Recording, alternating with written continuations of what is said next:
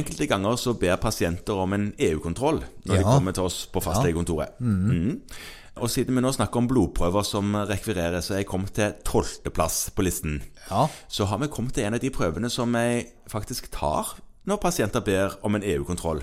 Ganske ofte.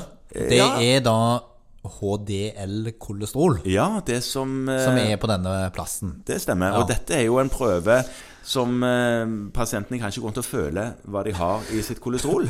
Så det, og, og det kan være greit å vite det for fastlegen. Ja, og for så vidt òg for pasienten. Ja visst, ja visst. Men HDL-kolesterol, er det gode kolesterolet? High density lipoprotein. Ja. Ja. High density. HD står for high density ja, Ja. lipoprotein. Mm. Produseres i tarm og i lever, og brukes sånn, hvis en skal forenkle litt, til å fjerne fettstoffer og transportere de til leveren og bruke de. Ja, ja. Altså fjerne eh, avleiringer av fett rundt omkring i årene tilbake til lever, for å si det veldig enkelt. Ja. ja. Og HDL-kolesterol tas jo sjelden alene. Den tas jo ofte som en del av en totalpakke.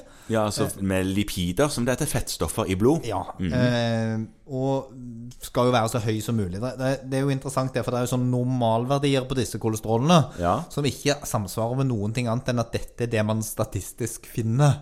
Ja, Ja, Nei, det er riktig, det. Sånn at dette er en av de prøvene, og der er det flere, der en normalverdi kan være sykdom. Ja, ja og Ja. det høres jo litt sånn ko-ko ut. Men er, som du sier, det er noen prøver som har det sånn. Ja, fordi at uh, når man lager sånne normalverdier, så har man ofte ikke lagt uh, normalområdet ut ifra risikoen for sykdom, Nei. som det er snakk om her. Altså en HDL-kolesterol bør være så høy som mulig, Ja. fordi at en høy, et høyt forhold mellom HDL-kolesterol og det som er det totale kolesterolet, Ja. mye du har totalt, det eh, forebygger hjerte-karsykdom. ja. Så bare for å oppsummere det, da. Når du lager en sånn normal Altså et referanseområde, så er det basert på en mengde blodprøver tatt av friske folk, og så ser en hvor de ligger hen. Ja, Uten at det er relatert til risiko for sykdom. Så det man ønsker er at denne er over 1 millimol per liter Det er veldig, veldig lite, du. Ja. Ja. hos alle, ja. egentlig.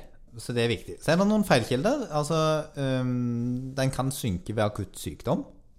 Så hvis du skal ta EU-kontroll, så ikke gjør det mens pasienten er akutt syk. Nei. Uh, I hvert fall ikke rett etter akutt hjerte- og karsykdom. Da bør du ikke basere deg på denne. Nei. Uh, Så det er viktig. Er det ikke sånn òg at uh, hvis man starter opp med behandling mot et eller annet kolesterolverdier som man ikke Altså, hvis man begynner å behandle et kolesterol, Ja. så bør man kanskje ikke ta prøver med en gang etter at man starter behandling. Med medikamenter, nei. Ja. Nei, da bør man gå litt i. Og så, jo, det var det jeg ville si. At Ja. eh, dersom man ønsker å få høy HDL, da, Ja, det ønsker man jo. ja, så, så kan man leve som Margrethe Munthe predikte. Jaha, Ja. eh, hva er det bestemt Altså, det er ikke lue på du tenker på da? Nei, men det, det blir litt det. Altså, fysisk aktivitet og trening Ja. gjør at HDL stiger. Det blir bedre hvis man slutter å røyke. Ja. Det blir bedre hvis man ikke er overvektig. ja, så det blir bedre hvis man lever sunt, da. Og det blir bedre hvis man spiser sunt og har et moderat alkoholinntak. Ja, og da, har du tatt vekk omtrent alt som er gøy med livet. Så noe, noe må man jo få lov til. Ja, Ja. nå løy du, for dette, jeg vet jo at du liker å trene. Jo da, jo da, men Men, Men eh, alt det andre, det liker du egentlig ikke. Nei, nei da, det, det er riktig. Ja, Ja. Sånn at det er viktig, fordi at dette kan man kommunisere at eh, det går faktisk an å påvirke det gode kolesterolet. Ja. Eh, og da vil man påvirke en masse andre gunstige faktorer i tillegg. Så, så koblingen her er nok eh, multifaktoriell. Ja. Men, men det går an å gjøre det. Og så ser det ut som at selv om noen medisiner gir HDL-stigning, ja.